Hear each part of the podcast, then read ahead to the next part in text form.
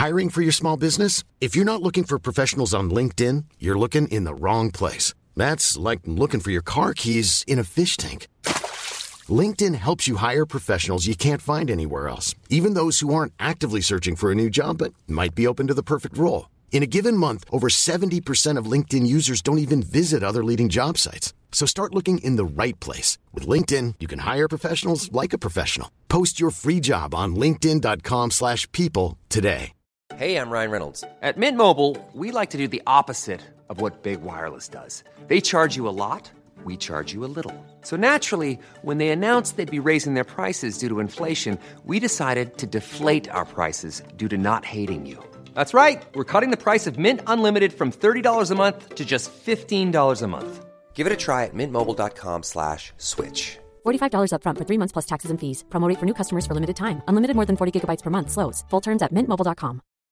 Since 2013, Bombas has donated over 100 million socks, underwear, and t-shirts to those facing homelessness. If we counted those on air, this ad would last over 1,157 days. But if we counted the time it takes to make a donation possible, it would take just a few clicks. Because every time you make a purchase, Bombas donates an item to someone who needs it. Go to bombas.com slash ACAST and use code ACAST for 20% off your first purchase. That's bombas.com slash ACAST, code ACAST. Jeg husker jo en gang jeg var på Mines etter at jeg hadde blitt ordfører. Ganske ferskt ordfører. Og da var det en som hadde fått avslag på Nav på et eller annet, og skulle banke meg, da.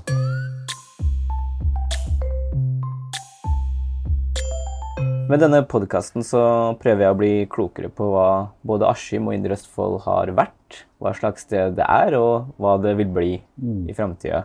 Aller først så har jeg lyst til å spørre deg, Tor, hva slags sted er Askim for deg? Askim er jo eh, det stedet jeg vokste opp. Eh, det er her jeg mine første, tok mine første skritt da jeg var liten. Eh, det er her jeg har bygd mitt nettverk, og, og sånn sett føler meg hjemme. Det er her jeg føler meg trygg. Jeg vet hvor alt er. Ja, i det hele tatt. Det er her jeg føler meg hjemme. Fortell eh, litt om hva som prega oppveksten din i Askim på 70-tallet, og etter hvert ungdomstida på 80-tallet. Ja.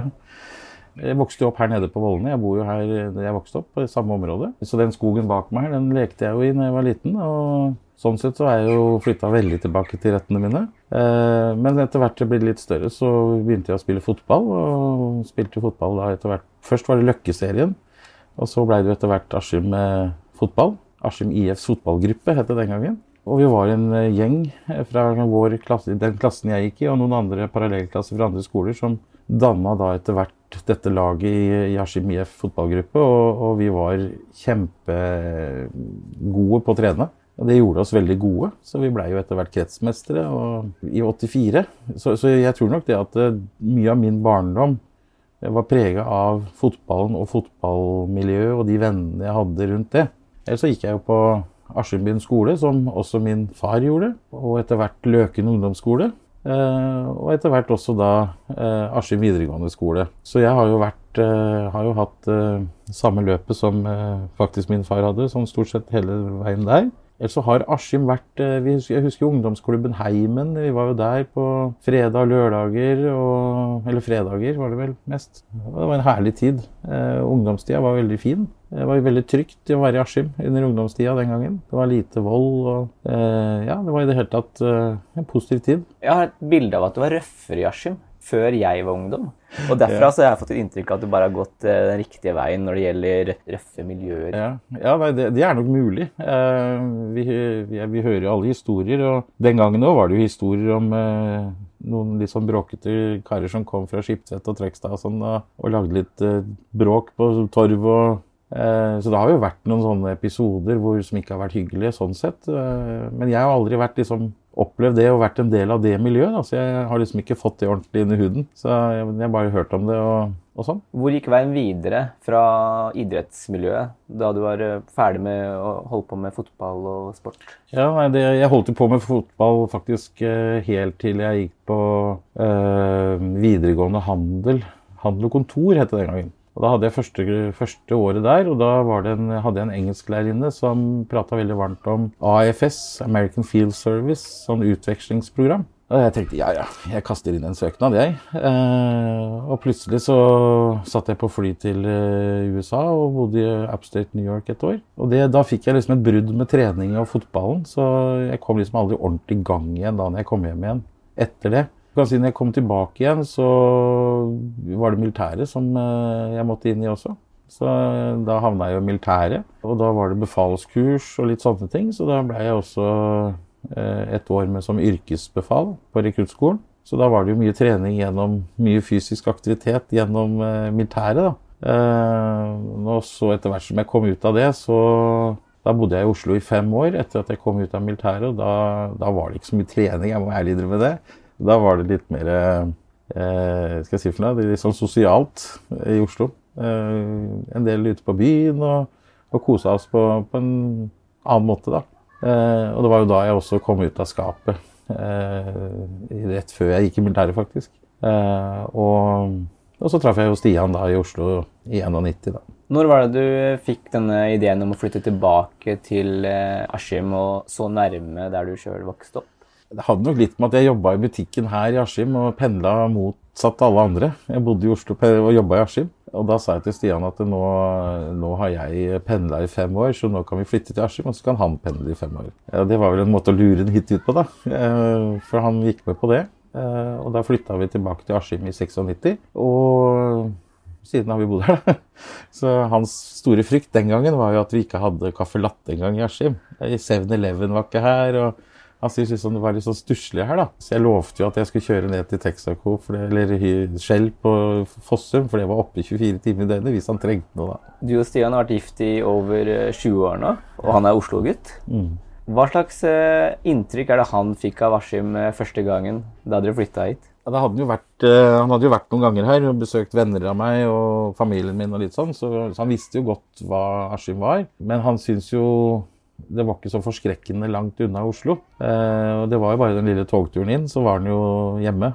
på en måte. Så han har jobbet i Oslo alle år, eh, og har jo liksom fått den påfyll av Oslo-feelingen da, ved å dra på jobb hver dag. Eh, og slapper veldig av her ute og roer, er veldig ro. Han får en sånn roligere følelse inni seg når han kommer utover her. Det er ikke så mye stress.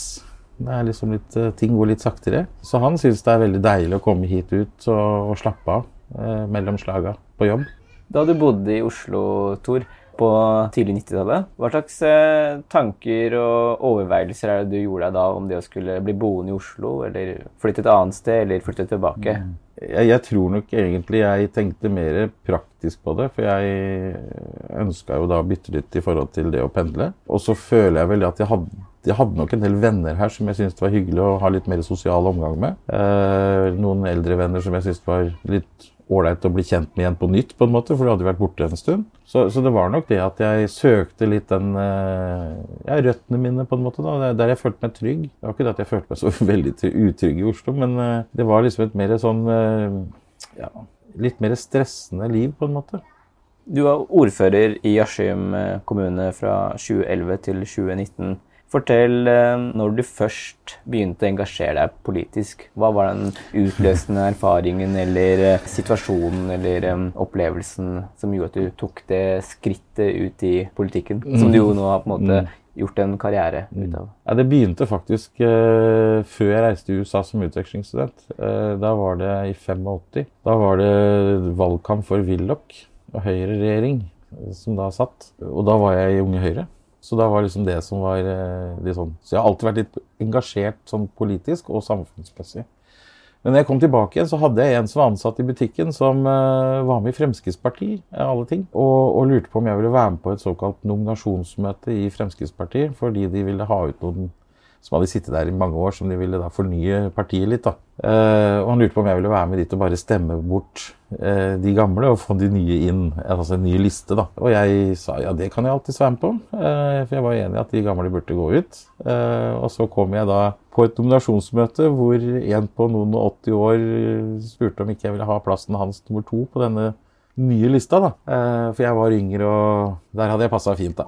Og da, da, klarte jo ikke jeg å si nei, da, så jeg ble jo overtalt til å si ja til det. Så jeg gikk jo egentlig fra det nominasjonsmøtet med en sikker plass inn i kommunestyret, eh, hvor jeg egentlig tenkte jeg bare skulle stemme på noen og skifte ut noen.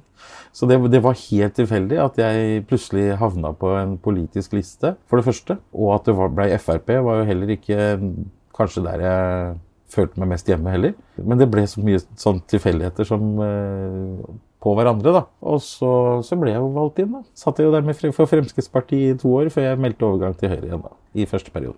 Når begynte du å se for deg en rolle som ordfører i Askim? Det er vanskelig å si. Eh, den første perioden så hadde vi jo Hans Jacobsen som, eh, som ordfører. Eh, og han hadde jeg også hatt som lærer i idéhistorie på videregående. Så han hadde jeg en viss kjennskap til som lærer. Og jeg hadde jo veldig sans for Hans på måten han var ordfører. Uh, og hvordan han tenkte litt stort og turte å tenke litt høyt om hvordan Askim kunne bevege seg fremover. Da. Og da kom jo Østfoldbadet på plass, og det syns vi var kjempegøy og spennende. noe som har vist seg nå å bære frukter helt fram til i dag. Men, men, det var nok det at jeg, jeg ble etter hvert gruppeleder og ordførerkandidat i 20, 2007. Jeg hadde vel egentlig ikke så store ambisjoner før det når det ble avklart at jeg skulle være ordførerkandidat, var vel da jeg først skjønte at det, Oi, her er søren meg mulighet til å bli ordfører og greier. Eh, og da blei jeg jo riktignok varaordfører da, fra 2007 til 2011, da, hvor jeg hoppa opp og blei ordfører. Så det har vært en spennende reise. Hva er du mest fornøyd med å ha utretta som ordfører i Askim? det er et veldig godt spørsmål. Samtidig så er det veldig vanskelig å svare på det, for det er så mye og forskjellige ting som man har vært med på. Eh, fordi når du er ordfører, så er du ikke Du sitter ikke da i et utvalg som bare jobber med skole, eller bare jobber med helse. Du er liksom en sånn eh, person som er liksom opptatt av hele bredden og helheten. Eh, men jeg tror nok sånn, hvis jeg skal peke på en helt sånn enkel sak, så tror jeg nok det er at vi tok den sjansen på å kjøpe tilbake Askim sykehus i 2013. Og hadde som mål å gjøre det til et regionalt helsehus. Det var nok eh, det som står igjen, eh, føler jeg, da, som liksom den store, største enkeltstående saken som jeg er veldig stolt av i ettertid at vi fikk på plass. da. Og nå åpner vi jo denne måneden her, så det er jo veldig spesielt, egentlig, sånn sett. da. Så er det jo godt over 200 arbeidsplasser der. 10 eh, 000 kvadratmeter er fylt opp med masse helsetjenester fra sykehus og lokalt. Så det har blitt masse liv i det gamle bygget igjen. Det syns jeg er flott å se. I forkant eh, av at du blei ordfører, hva slags målsetning satte du deg da? Én ting hadde jeg bestemt meg for, og det var at jeg skulle være en veldig folkelig ordfører. Eh, jeg skulle ut og prate med folk. For jeg vet jo ikke alt, og hører ikke alt, og ser ikke alt. Men hvis jeg hadde noen andre, mange andre som kunne se for meg og, og, og ha oppfatninger om ting og kunne formidle det til meg, så var det like, veldig viktig for meg. da.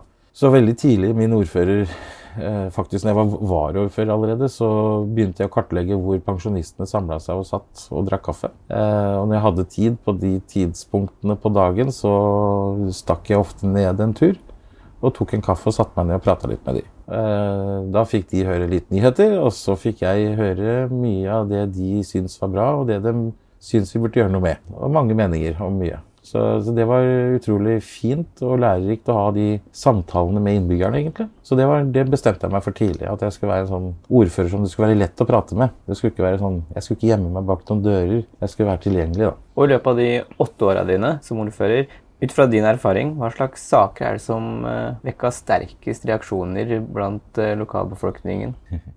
Det var nok uh, det at vi skulle bygge én ny ungdomsskole og ikke ha to ungdomsskoler. For det var veldig mange som Og da var foreldrene også en del foreldre i harnisk.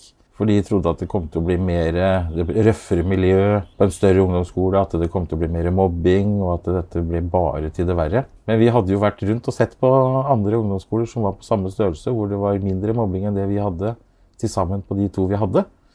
Eh, vi, men vi var veldig opptatt av at vi skulle ha helsesøster og et ungdomsteam og en sånn psykososialt team som jobba på skolen og var en del av skolemiljøet. For å ja, jobbe litt mot bl.a. mobbing og, og, dette her, da. Så det som var morsomt, var jo at eh, Men da, da hadde vi, husker jeg, vi hadde i Kulturhuset en, en sånn eh, presentasjon av nye skolen og diskusjon med, med foreldre og noen elever. Og da satt alle vi gruppelederne på, på podiet. Og da, da, ble vi kalt mye rart. Eh, da ble jeg kalt drittsekker og arrogante jævler, og vi var ikke måte på hva folk fikk seg til å si, da. Eh, om hvor fæle vi var, som ødela skolen deres og osv. Men eh, gleden er jo desto større når det har blitt en suksess, og de samme foreldrene kommer tilbake og sier at eh, vi tok feil. Det har faktisk blitt veldig bra. Så vi halverte jo mobbing faktisk når den nye skolen var på plass, i forhold til det vi, når vi hadde to små. Det jo, var jo veldig morsomt, da, men vi fikk veldig kjeft på forhånd. Da du etter hvert begynte å engasjere deg mer i politikken eh, Du jobba i butikken, sa du, i gågata, som var etter bestefaren din opprinnelig. Mm. Jeg lurer på, Når var det det gikk opp for deg at politikken skulle um, bli en løpebane for deg? Hvor er det du um, virkelig skjønte at det her var noe du skulle dedikere deg til? Det var nok ikke før jeg blei varaordfører. Og fikk litt sånn Da fikk jeg jo bli å kjøpt fri litt og hadde jo noen dager jeg var på rådhuset. Fikk eget kontor. Jeg fikk liksom være mer med i prosesser og fikk liksom mer innsyn i alt det som foregikk. Og og hvordan ting foregår. da. Eh, det var nok da jeg først fikk virkelig følelsen at dette, dette var gøy. Eh, og da la jeg meg i selene for at nå skal jeg være så bra varaordfører som jeg bare optimalt kunne. For å være mest mulig posisjonert da som en ny ordfører i 2011. da. Du flytta tilbake til Askim i 96, sa du. Mm. Og jeg lurer på, du som da har vært med på den uh, forandringa av Askim fra Askim fikk bystatus i 1996, mm. året du kom tilbake, mm. til uh, det året hvor Askim var finalist i det som var uh, Kommunal- og moderniseringsdepartementets konkurranse om å være Norges mest attraktive by mm. i 2018. Mm. Hva skjedde i de åra der? Hvordan vil du forklare det? Fordi etter at Askim fikk bystatus, så var det en liten sånn uh, motbakke. Hvor det ble et sånt bilde av Askim som en uh, sliten, uh, anonym, identitetsløs småby. Og så da, 22 år seinere, være i den finalen med Svolvær og Kristiansand om å bli kåra til Norges mm. mest attraktive mm. by. Mm. Hva, hva skjedde der? Det skjedde jo veldig mye i det, i den, det momentet. Eh, grunnen til at vi antageligvis søkte for å bli by, eh, som var veldig riktig på den tiden, det var jo at vi hadde mista Viking eh, i 91. Eh, og da var det egentlig litt sånn trist i Askim. Eh, vi mista masse arbeidsplasser, og det var liksom, liksom ned, nedgangstider, på en måte. Og det, det, var vanskelig da å få eh, Å løfte byen, da. Eh, for da var jeg jo en del av handelsstanden, husker jeg, på 90-tallet. Og vi, vi, også hadde jo syntes det var vanskeligere den gangen en periode. Men så kom bystatusen, så kom byrommet, ble pussa opp. Og etter hvert kom badet. Eh, og da kom noen sånne brikker som vi kunne være litt stolte av. Eh, som var litt sånn eh, Ja, litt sånn litt store ting. Positive ting. Og vi fikk mer og mer fokus på dette med byutvikling og sentrumsutvikling. Nå er det jo først i 2018 vi ansatte en byarkitekt. Men ser jeg tilbake, så burde vi ha gjort det allerede i 1996. Vi gjorde jo ikke det, da. For det var liksom ikke noe som man tenkte på den gangen engang. Men, men det at vi, vi kom inn i, inn i en sånn Jeg husker når jeg ble varaordfører, så fikk jeg hovedansvar for næringsutvikling og sentrumsutvikling som varaordfører i den, nye, den, den perioden. Uh, og da husker jeg vi var en av de tinga vi var veldig kjappe på, det var å få blomster ut i byen. Uh, det var billig. Blomster er billig, uh, men det gjør veldig mye av seg.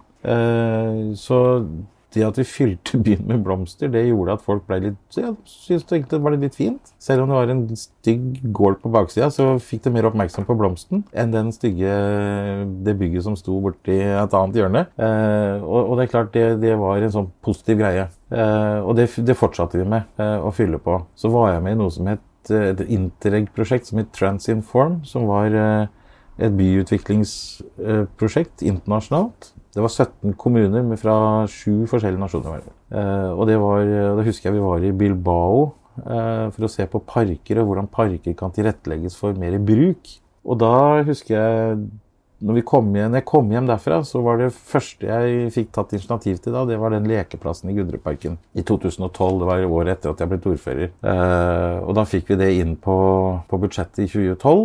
Eh, og det det var jo Vi fant fort ut at wow, det skulle ikke mye til før du fikk liksom noe positivt og attraktivt aktivitet. da. Det var jo en park folk bare gikk gjennom før, og nå var de der. Nå gjorde de aktiviteter der. De møttes der. Eh, barnefamilier, foreldre møttes der. Besteforeldre møttes der. Eh, plutselig skapte vi en ny møteplass i byen. med en sånn enkelt grep. da. Og det var sånn vi tenkte oss når vi skulle ha, gjøre om eh, for en ny fontene i Jernbaneparken, og gjøre om den, at vi måtte ha en aktivitet der. Og da kom bowlbanen der, ikke sant. Og så fikk vi plutselig sånn petankbane. der. det.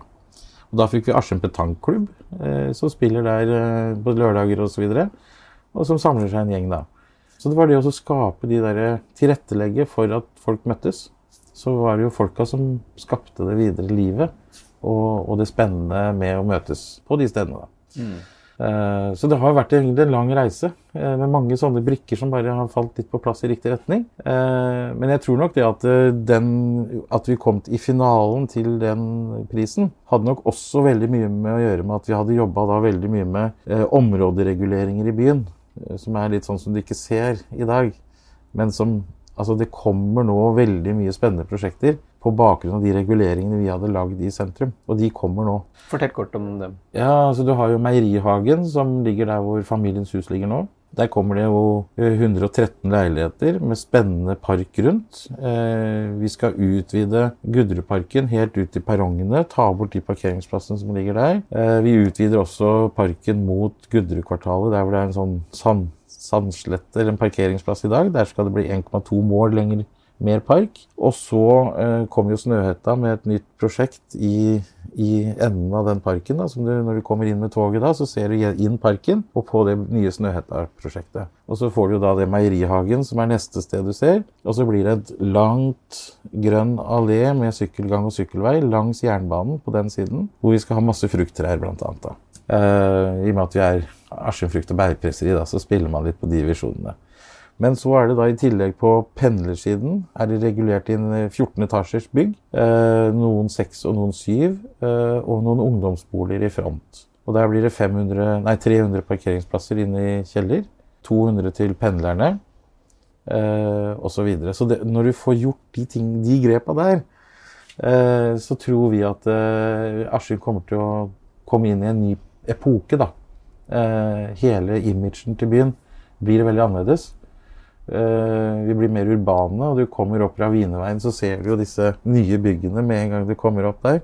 Så i- dag ser vi bare en parkeringsplass og, og en, eh, noen litt triste blå hus. Det er det vi ser når vi kommer opp der. Og der vil vi da få en helt ny fasade på byen. Hva vil det si at Askim er hovedsete i Indre Østfold kommune? Hva innebærer det? Nei, altså Det betyr at vi er administrasjonssenter for en, for en ny Indre Østfold kommune. Det betyr at det er her rådhuset skal være. Det er her eh, ordføreren skal sitte. Eh, og sentraladministrasjonen er jo her, da. Så du, skal du besøke kommunen formelt, offisielt, så er det Askim som da blir på en måte stedet du, du reiser til. da. Eh, men så er det klart, vi har jo to byer. Vi har Mysen nå. og Mysen skal også få mange arbeidsplasser kommunalt. Der kommer all administrasjon innen helse og skole kommer til å sitte i Mysen. Eh, så, så vi har kanskje funnet en veldig god balanse egentlig i, i de to oppgavene for de to byene. da. Eller vertskapet for de to byene i forhold til eh, arbeidsplasser lokalt. Men, eh, men jeg må jo si jeg har hatt veldig blanda følelser på denne sammenslåinga. Når du er så glad og opptatt i en by som jeg har vært i Askim, så er det klart at det er skummelt og, og Det er akkurat som å få et barn som du på en måte skal sende ut i verden. Og du mister litt kontrollen. da. Eh, Og sånn føler jeg det har vært at eh, vi askiminger har mista litt kontrollen. Eh, På hvilken måte? ja, altså litt på, på grunn av at vi er jo ikke lenger i Altså vi, vi kan ikke bestemme alt lenger. Eh, nå er det plutselig de som kommer fra Trøgstad og Eidsberg og Spydberg og Hobøl som er i flertall, hvis vi i Askim er uenige med de. Eh, så de kan da bestemme hva som skal skje i Askim, og ikke vi i Askim. Eh, det er en sånn guffen følelse. Eh, så, så her er det viktig å på en måte være flink til å egentlig forklare hvorfor man mener det man mener, for at de skal være enige med det. Så du må liksom bruke mer argumenter nå da, for, å, for at de skal forstå hvorfor det er viktig også å satse i Askim, og ikke bare på, på, på Mysen og grendeskoler og alt dette her som er liksom de har brent for når de var redd. For de var jo også redd for å miste noe de hadde når de skulle inn i en ny stor kommune. Eh, og det skjønner jeg. Eh, samtidig som de også må ha en forståelse av at vi som kom fra Askim, vi hadde også følelser med oss inn i det her. eh, og var redd for å miste liksom på en måte eh, satsinga som vi sto for i Askim den gangen, at den ikke nå eh, slutter. Fordi man er så opptatt av alt annet. For jeg tror at skal vi ha lykkes med ny Indre Østfold kommune, så må vi lykkes med Askim. Hvis ikke vi lykkes med Askim, så lykkes vi ikke med Indre Østfold. Sånn, så viktig tror jeg Askim er egentlig for Indre Østfold. Hva er det som kan eh, sette en eh, hindring for den uh, utviklinga, da? Nei, altså Vi har jo sett litt sånn tendenser nå hvor man eh, skal gjøre alt likt i den nye kommunen. Så man skal ikke satse mer på ett sted enn noe annet. Eh, bare sånn dumt eksempel. Da. altså eh, Rådmannen tok bort det offentlige toalettet eh, i gågata fordi Mysen ikke hadde offentlig toalett. Og det, da begynner jeg liksom å bli sånn eh, Hvorfor ikke da heller spørre Mysen om de ønsker et offentlig toalett, enn å bare ta bort det vi hadde, fordi Mysen ikke hadde? så jeg, jeg syns man går liksom litt baklengs inn i en del spørsmål. Eh, som jeg syns kanskje bør, eh, man bør heller heve standarden enn å gå ned. Da, for å ja, Vi må strekke oss til der vi er best hele tiden. Flere offentlige toaletter i hele Indre Østfold, som var ja. kampsaken. Nei, altså det, vi, setter jo, vi, setter jo, ut det òg. På badestrender og overalt så setter vi ut offentlige toaletter. Men, eh, men hvorfor da ikke i Askim sentrum, hvor det er mye folk også på kveldstid og osv. Og, og ting stenger jo. Kan det komme noe godt ut av en sånn uh, sammenslåing? tenker du? Ja, jeg, har jo, jeg er jo en sånn evig optimist på, på alt. Eh, nå hadde jo Askim bystyre, når vi vedtok hvilke kommuner vi skulle slå sammen så var jo det Spydberg og Hobøl. Eh, så vi skulle de tre, altså Askim, Spydberg Hobøl, skulle da liksom slå seg sammen. Det var vårt, eh, vårt, ønske, og det var det vi stemte for. Eh, så var det en prosess inne i departementet og, og, storting som endte med at vi også da skulle slå sammen med Trøgstad og Eidsberg. Så det kom jo litt sånn helt på tampen, litt bardus på oss, at det skulle bli sånn. Eh, men nå eh, er vi der, og nå er det viktig å gjøre det beste ut av den situasjonen vi er i nå. Så er vi en, kommune, en av de veldig få kommunene i Norge da med to byer. Og da må vi lære hvordan vi skal håndtere det på en god måte. Mysen også har også folk som har vokst opp i Mysen, som er glad i Mysen og er opptatt av Mysen. Akkurat sånn som vi er i Askim. Så der, vi må jo kunne ha forståelse for hverandre. At det er også viktig å satse i Mysen, ikke bare Askim. Og motsatt. Så dette kommer nok til å gå seg til, men, men jeg tror det er viktig at man eh, ikke bare nå eh, Det har vært litt sånn Ja, hvis vi har gjort sånn og sånn i Askim, da skal vi i hvert fall ikke gjøre det sånn. Det har vært litt sånn tendenser til at eh, vi fra Askim ikke kom her og kom her, liksom. Eh, for det var en kjensgjerning at Askim var den rikeste kommunen. Eh, og vi hadde, var den største, og vi hadde antageligvis i organisasjon tjenesten som var organisert på, på kan du si, best. da. Eh, og det mest kunne sammenlignes med en storkommune. og det ville jo ikke de andre akseptere, selvfølgelig. Så det var litt sånn, noen runder på det, da. Kan du se for deg en sånn felles Indre Østfold-identitet? Eller tror du heller at en sånn kommunesammenslåing bidrar til at uh, alle disse stedene inni her ønsker å knuffe litt mot hverandre og bygge litt mer fram sin egen identitet? Ja, Vi har jo sagt at vi ønsker å, å dyrke fram stedenes egenart og, og identitet. Eh, så Sånn sett så er vi opptatt av å ivareta det som er spesielt på det enkelte sted. Eh, men jeg tror jo det at de som Eh, jeg må nok eh, gå så langt ned i alder at de som blir født nå, og født som en indre østfolding, og ikke askiming og ikke eidsberring, men født i Indre Østfold kommune, de tror jeg kommer til å være den generasjonen som føler at de er indre østfoldinger. Men jeg tror du må tilbake en generasjon for å føle det. Vi har snakka litt om de byggeprosjektene som er på vei, og som kommer til å gjøre byen enda mer urban. Er det noe annet du savner i sentrum av Askim? Ja, etter at Smålen hotell la ned, så er det jo definitivt et, et nytt hotell. Det, det hadde vært uh, uh, Det er liksom prikken over i-en som vi mangler i Askim sentrum nå. Det er et, et hyggelig og bra, uh, proft overnattingstilbud. Det, men det tror jeg kommer snart. Hvem er målgruppa for et sånt hotell? Vi hadde flere som har gjort undersøkelse og markedsundersøkelse på etablering av hotell i Indre Østfold. Uh, ene delen var jo eksisterende næringsliv i regionen, uh, som trenger en møteplass for konferanser og, og og Uh, og så var det uh, nærheten til Oslo, Eh, og hvis man også da hadde et hotell som lå i en kjede, så kunne kjeden også fylle på med konferanser ut hit, hvor det var fullt andre steder. Eh, og da ville folk bli oppmerksom på oss, eh, som ikke hadde tenkt på oss. og du ville da fått flere og flere konferanser her.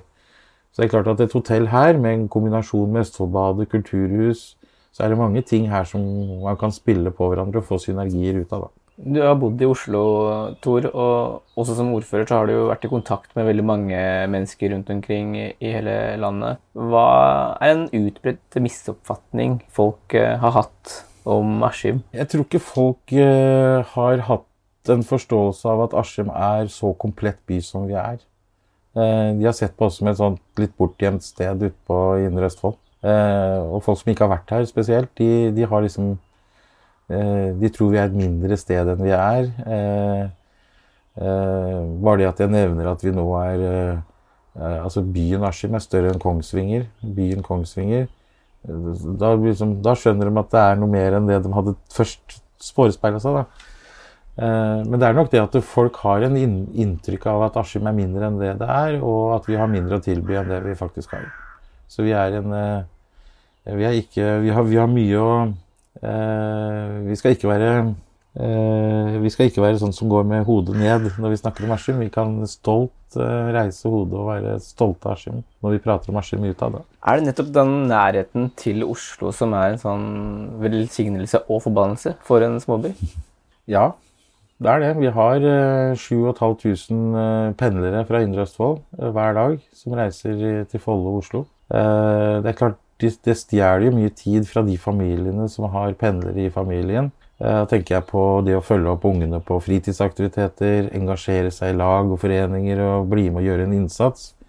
Eh, det kan hende at det er en større byrde for en pendler eh, å være med på det i fritida i tillegg, eh, enn de, om man vedkommende hadde bodd her og hatt kanskje litt mer tid fordi det var ikke så mye reisetid da hver dag. Så jeg tror nok det at det å få flere lokale arbeidsplasser i Indre Østfold Eh, kompetansearbeidsplasser eh, som gjør at vi kan få beholde flere her eh, og jobbe noe lokalt. Over tid vil gi veldig mye positivt ringvirkninger for lag og foreninger og dugnader og alt det vi gjør på fritida. Hvordan får man de arbeidsplassene hit? Jeg syns vi er på god gang nå. Holskogen ute i Knapstad. Der er det nå Eh, masse spennende bedrifter som nå etablerer seg. Eh, alt fra datalagringssenter til eh, Nordens største plastgjenvinningsanlegg og Dynatech med forskningssenter på batterikomponenter. altså Her er det mye spennende miljøer nå som finner hverandre. og, og gjør at der kan det bli en bedriftsområde som nettopp kan satse litt på kompetanse og høykompetanse. Eh, det at Dynatec har gjort en avtale med en billeverandør i Japan eh, med en, en kompetanse som er nyvinning, som de har som ingen andre har funnet opp. Eh, men at de har, de har blitt funnet opp i Indre Østfold, og Askim. Det er jo kjempekult. Så de kommer jo med noen verdensnyheter nå i forhold til det å få batteriene til å leve lenger, yte bedre osv. Og, så og det er jo helt fantastisk at det kommer fra Indre Østfold. Tor, du er, eh, du er, aktiv på Facebook. Mm. Når begynte du å være så aktiv der? ja, det, uh, vi skjønte ikke egentlig hvor viktig det var eh, når vi begynte med det. Uh, det var nok før jeg blei I det momentet jeg blei varaordfører, tror jeg. Det var rundt omkring da, rundt 2007-2008. Rundt da. Og det var da vi begynte å skjønne at uh, dette var jo en perfekt måte å kommunisere med velgerne på. Eh, og da, da begynte vi å bruke det aktivt og mer og mer aktivt. Og da begynte jo partiet Høyre for å forberede oss til valgkamper og ha oss på sånn sosiale mediekurs. og da, da begynte liksom det å bli veldig hot. da. Så, så, jeg har egentlig fulgt med det fra det var sånn ja, alminnelig eh, og fram til i dag. Hvor viktig er den eh, kommunikasjonskanalen for deg i dag? Ja, eh, Den er ganske viktig, fordi at eh, nå har jeg fem, nest, ja, nærmer meg 5000 sånne venner. Facebook-venner, som disse er. Uh, og det er klart at uh, det er mange som er der er bare bekjente, og folk jeg ikke vet hvem er. Men det er jo ofte folk som bor i Askim og i region, Eh, og de kommer jo med meninger og de kommer med synspunkter, og det hender jeg får noe på Messenger, noen sånne private personlige meldinger om ting de lurer på om ikke jeg kan ordne, eh, eller se nærmere på, eller vet du at det er sånn og sånn. Eh, så det er en fin sånn, kall det litt sånn innspillsbank for meg da, som politiker nå. Nå er jeg jo opposisjonsleder, altså gruppeleder for det største opposisjonspartiet. da. Eh, og, og, sånn sett så er det jo viktig for meg å, å vite hva som rører seg rundt omkring. da. Du deler lokale nyhetssaker og Manchester United-resultater og mm. hjemmelagde boller. Mm. Er det noe som er for privat for deg å dele på Facebook? ja. da, i høyeste grad. Eh, men det er, nok, det er nok eh, Kunsten der er nok Det er nok Du må ta fram noe av deg sjøl for å få interesse også. For det er jo ikke noe folk er så interessert i som private ting. Eh, hva var det du ikke kunne tenkt deg å dele, f.eks.? Nei, jeg har Smålendene Avis har jo spurt meg sikkert fire-fem ganger om vi skal ha sånn hjemme hos-intervju uh, i sofakroken med meg og Stian, og det har vi sagt nei til. Uh, altså det er liksom Et eller annet sted må vi sette en grense, har vi funnet ut, da, uh, på, på det. Uh, altså Det hadde sikkert gått, men, men, vi har liksom ikke følt at det er Da går vi over en grense, liksom. Uh, så, så, vi har vel kanskje uh, Som åpen homofil fra 1991, så, så, er jo ikke det at jeg Det er jo ganske privat hva man har av legning i utgangspunktet, for det er jo ikke noe folk går rundt og snakker om normalt. men jeg har nå levd med det i 30 år i Askim. og det var ikke bare enkelt første gang jeg kom ut med det. og du, du måtte liksom Alle skjønte jo ikke dette her. Eh, ja, Hvordan var det? Nei, det var, Jeg var jo en del av fotballmiljøet, og det var jo klart at det var ikke enkelt. Og, og det var jo eh, Du fikk jo en del kalde ord etter deg. Det var liksom litt sånn eh, Litt guffent i starten. Eh, men etter hvert så folk fant ut at men han er jo ikke annerledes, han er jo akkurat den samme så begynte ting å gå litt over, da. Eh, og da så de bare meg igjen, og ikke det at jeg bare var homse.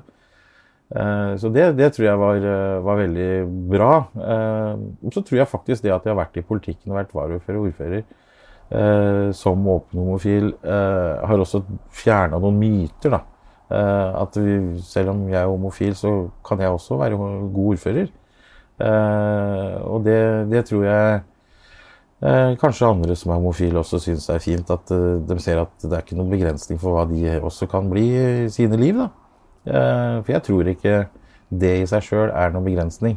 Eh, det er bare å eh, bruke, hodet og være fornuftig og ikke eh, Ja, jeg er jo Pride, for eksempel. Da, jeg er jo ikke bare for Altså, jeg er for pride og regnbueflagg og alt det står for.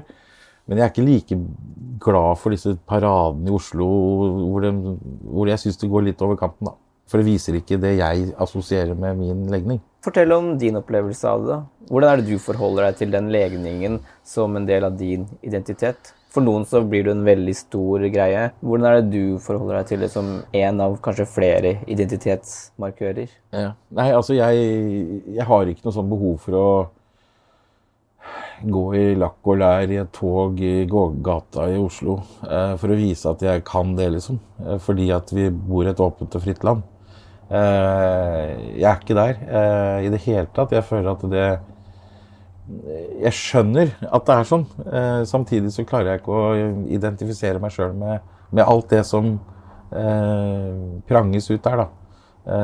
Og det er jo der du også får en del negativ bumerang på denne pride, syns jeg. da. Eh, at folk syns det går for langt eh, mange ganger. da. Så vi er, jeg og Stian er helt vanlige. Eh, vi er, vi er antageligvis veldig kjedelige homser, da. det var jo fire regnbueflagg på Askimtorget nå. Ja. Hva betyr det flagget for deg? Eller hva legger du i pride eller skeiv kultur, eller hva er det du omtaler det som, og hva er det du eh, legger i det? Nei, altså For meg så betyr pride og, det flagget egentlig at uh, mangfold altså, og, en, og, en, aksept for andre mennesker. Uh, at alle er like mye verdt. Uh, det er sånne ting som jeg legger i det, det flagget.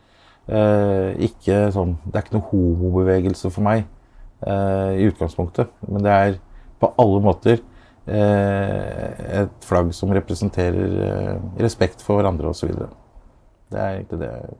Nå er det et tema som berører alle mennesker, uansett hvor man bor.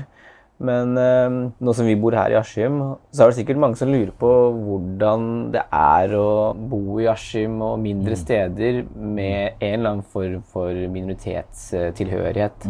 Man kan se ikke-norsk ut, sånn som meg, eller man kan ha en ikke-heterofil eh, legning.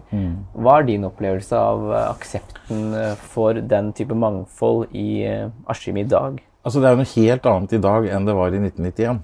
Eh, det må jeg ærlig innrømme. Ja, Hva er den største forskjellen på det? Største forskjellen nå er at eh, det er en større aksept for det. Hvordan merker du det?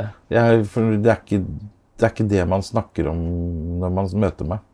Eh, I 1991 så var liksom alle som begynte å prate, vi prat, kom jeg i prat med, eh, så kom de alltid inn på det der med homofili. Eh, nå møter jeg folk, og vi prater om helt andre ting. Vi prater om helt annen eh, Det er ikke min legning som er tema, liksom. Eh, for det veit man. Ikke, og man veit hva det er for noe. Eh, det er ikke noe som er sånn mystisk lenger. Eh, så da er det hyggeligere for meg å møte andre mennesker, for da snakker vi om det alle andre snakker om òg.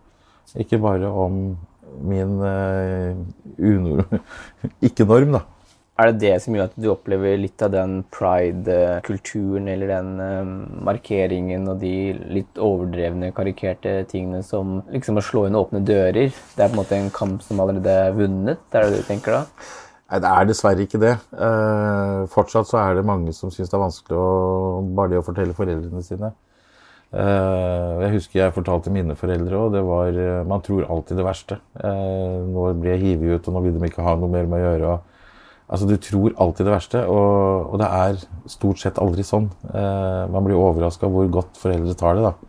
Eh, veldig mange foreldre har jo allerede funnet det ut. De bare venter på at man skal si det. Og for at sønnen eller barnet skal komme og si det, at det er noe. Eh, så, så, det er dessverre fortsatt mange som, eh, som sliter med, med det. Eh, og det kan være andre grunner til at man har kanskje et, et høyere bilde av seg sjøl og ønske om å være perfekte, da, som veldig unge, mange unge har i dag, eh, så er ikke alltid det å eh, Det å da ha en annerledeshet eh, er ikke det de ser på som perfekt. Og det kan da også bli en, et press da, for å liksom skjule det lengst mulig og, og, fortrenge det, på en måte. Så det er nok ikke helt Det er nok godt vi har regnbueflagget i vaiene i Askim fortsatt. I hvilke situasjoner er det du opplever at Askim er litt for lite, eller kan virke litt trangt sosialt? Mm. Mm. Eh, kanskje når vi Hvis jeg og noen vennepar skal ut på byen nå, eh, så føler jeg kanskje at jeg ikke helt finner det stedet jeg syns er veldig ålreit å gå på. Eh, så jeg savner kanskje noen andre utesteder som har eh, et annet innhold da, enn det vi har i dag. Eh, det er ikke det at jeg er så vanvittig kresen, men jeg syns at eh, de som jobber med utebransjen i Askim de siste åra, de bør lære seg litt om hvordan man skal drive litt proffere. Eh, og de har mye å lære av mange Oslo-bedrifter. Der syns jeg de har blitt veldig bra i Oslo. På, på service og altså De vet hva de serverer. De, de ber om en halvtørr rosévin, så får du det. Uh, her har de ikke noe forhold til det engang. Altså det, du er heldigvis de har en rosévin. Altså det er Jeg skulle gjerne litt mer bevissthet rundt uh, den profesjonaliteten uh, ved å drive et utested i Askim. Det hadde vært spennende å, å fått på plass. Vi har snakka om Tor, at du engasjerte deg i politikken for at du hadde lyst til å gjøre Askim til et enda mer attraktivt sted. Mm. Hvordan er det du ser for deg Askim om 20 år? Hva slags sted er det da? Det best case scenario er nok at uh, Askim har fått uh, På 20 år da har vi fått 5000 flere innbyggere i Askim. Uh, som gjør at det er flere folk som er ute og bruker byen. det gir grunnlag for kanskje noen bedre restauranter og litt proffere uteliv. og så tror jeg vi har et sentrum som er grønnere. Eh, med flere møteplasser, eh, uten alkoholservering også. Eh, jeg tror vi har fått flere idrettsanlegg på plass. Og, og Askim blir da en, et sted hvor Oslo-folk tar en tur ut på lørdag for å oppleve noe annet og hyggelig. Kan du peke på noen erfaringer eller eh, øyeblikk eh, som har forma deg politisk, som gjorde at du ble stående på høyresida framfor venstresida? Ja, det er vanskelig å si. Eh, altså, det, er, det, er, veldig vanskelig å si. Nå var Einar Juholm, første Høyre-ordføreren i Askim, var jo en god venn av min far. Så jeg møtte jo han mye når jeg var liten og yngre. Eh, men, men jeg, jeg vet liksom ikke om det er det som var det. Eh, jeg klarer ikke å peke på den ene tingen. Faren min var jo riktignok Høyre-mann, han òg, da. Men jeg tror liksom ikke det er det som i dag gjør at det er derfor jeg er sånn, eller tenker som oss i Høyre, da. Så du hadde ikke noe sånn ungdomsopprør eh, politisk med faren din? Nei, jeg hadde ikke det. Eh, han og jeg vi snakka mye om samfunnsutvikling og ting og tang. Han var også engasjert. Eh, men han døde jo ganske tidlig, da, så han var jo ikke mer enn 66 år. Men han var jo en sånn eh, eh, han, han, var ikke så flink til å Han så veldig sånn enkelt på, på ting. Eh, og, og ofte så er det det at vi, får, vi, gjør det ting mye vanskeligere enn det behøver å være. Uh, så det er den, uh, den evnen til å kunne stake ut en kurs utenom å ja, nå, nå, lager vi så tunge prosesser at vi, vi, finner nesten ikke fram i hvor er det egentlig vi skulle hen.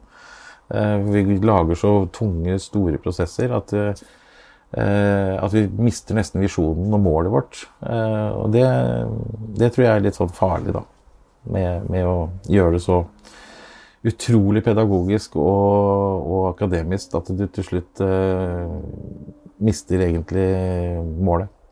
Vi sitter jo i hagen din nå, Tor. Det er her du bor, sammen med Stian. Si litt om hvorfor valget falt på akkurat denne plassen. Nei, altså egentlig så havna vi ikke her med en gang. Vi havna jo borti gata her. Barndomshjemmet mitt er jo rett borti veien her.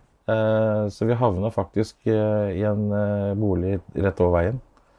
For der husker jeg at der lekte jeg da jeg var liten, så jeg husker at det var et ålreit hus. Så da kjøpte vi det når det kom på salg. Jeg lekte med barna der da jeg var liten, så jeg husker at det var et ålreit hus. Og da dro vi og så på det. Og da husker jeg det som ganske stort og fint, og det var veldig sånn ordentlig. For det var en sånn ingeniørbolig fra Viking. Og de hadde fine boliger til sine ansatte. Så da endte vi med å kjøpe det der borte. Og så gikk vi jo da tur med Da hadde vi hund da òg, så da gikk vi jo tur inn i Hovskogen og forbi, forbi, det huset her. Og så plutselig en dag så står det til salgs på det huset her. Eh, og da tenkte vi vi flytter hit. så gjorde vi det. Si litt om hva området betyr for deg. Hva slags eh, stemninger er det det vekker i deg? og Hva slags eh, minner har du fra akkurat denne delen av Askim? Altså Jeg lekte jo cowboy-indianer inne i Håskogen her, eh, så jeg kjenner jo skogen her veldig godt. Det er ikke det at jeg er her ute og leker det nå, men det er noen minner. Uh, og jeg kjenner jo fortsatt en del som bor her nede, som bodde her også da jeg var liten og vokste opp. Som husker meg som en uh, liten, uh, liten, gutt som var på epleslang. og de, mange av de bor jo her ennå, så det er jo et sted hvor folk blir boende, tydeligvis. Og det tror jeg faktisk Jeg tror det er en av de Nå er jeg kanskje ikke helt objektiv, men jeg syns det er en av de beste stedene å bo i byen. Fordi vokst, ikke fordi jeg vokste opp her, men det er veldig stille og rolig her. Og så er det veldig kort vei inn til sentrum. På en elsparkesykkel så er det tre minutter. de gamle naboene dine i området, kunne de se for seg at du skulle bli Askims ordfører? Nei, det tror jeg ikke. Hvorfor ikke? Nei, altså det er vanskelig å si. Uh, uh, det er nok mange som ikke så for, meg, så for seg at jeg skulle bli ordfører. Uh, for jeg var vel ikke den Hva Skal jeg si for noe? Jeg hadde vel ikke slått meg ordentlig til ro eh, nok for mange, eh, sikkert, når jeg begynte å skulle bli varaordfører og ordfører. Eh, jeg kunne feste litt, og jeg kunne ha det gøy. Og, altså, jeg var ikke helt eh, bare seriøs, da. Eh, så liksom, herregud, skal vi ha en partyordfører? Eh, og nei da, vi, vi, fikk jo ikke det. det er utrolig hvordan den stillingen dresserer deg til å ha fokus på de viktige tingene. Eh, da kunne jeg jo ikke heller gå på byen og gjøre som jeg ville. Da måtte jeg oppføre meg pent. Eh, så det var en veldig annerledes oppdragelse eh, å bli varaordfører-ordfører. For er du politiker, så har du jo blikka på deg når du er på byen. Alle veit hvem du er. Gjør du noe gærent, så vet til slutt veldig fort alle det òg. Så jeg husker jo en gang jeg var på Mines etter at jeg hadde blitt ordfører. Ganske ferskt ordfører. Og da var det en som hadde fått avslag på Nav på et eller annet og skulle banke meg. da.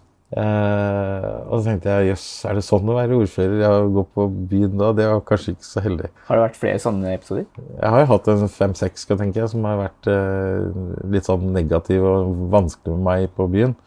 Fordi at de sjøl har fått et, eh, et, avslag på Nav, da. Eh, og nå er det jo ikke sånn at ordføreren sitter på Nav og bestemmer enkeltsaker, så jeg hadde jo ingenting med det å gjøre. Men da var jeg liksom sjefen på Nav, for jeg var ordføreren, og da da måtte jeg ordne opp i det. Få høre noen eksempler fra Facebook da, av lignende type henvendelser. Det må vel være noen der også som tenker at de har en direkte linje til ordføreren og kan påvirke eller bli hørt? Eh, ja, altså det er, eh, det er jo folk som har kommet med helt konkrete Nå har jeg sendt inn en søknad på Nav, kan du se på den? Eh, ja, jeg ser jo ikke en eneste søknad til Nav, så jeg aner jo ikke hva de jobber med av saker i det hele tatt. Hva savner du mest fra ordførerperioden din? Hvis det er én ting, så vil jeg vel si eh, tilgangen og flom på informasjon om ting som foregår. Eh, for du er en veldig sånn rundingsbøye på, på, mange ting som skjer i kommunen, for du, du, får greie på det fra alle kanter. Så det er nok det å sitte og vite hva som planlegges og tenkes og skal skje. Eh, det å sitte midt oppi det var eh, veldig spennende. Og, det å også kunne ha en stemme inn eh, i hvordan retning ting kunne gjøres. Og dytte ting i en eller annen retning. Det var spennende. Tor, hva er et godt sted å bo for deg? Et godt sted å bo for meg, det er et sted som det er oppleves som trygt. At du har eh, venner og familie eh, i, i, nærheten. og at du har altså, tilbud som du opplever som attraktivt og, og hyggelig. Eh, og gode møteplasser som du kan møte venner og bekjente. Det er, det er en god by og godt sted for meg å bo. Tor Hals, tusen takk for praten. Veldig hyggelig. Da må vi se på fotball. Ja. Mom deserves the best, and there's no better place to shop for Mother's Day than Whole Foods Market. They're your destination for unbeatable savings, from premium gifts to show-stopping flowers and irresistible desserts. Start by saving 33% with Prime on all body care and candles. Then get a 15-stem bunch of tulips for just $9.99 each with Prime. Round out Mom's menu with festive rosé, irresistible berry chantilly cake, and more special treats. Come celebrate Mother's Day at Whole Foods Market.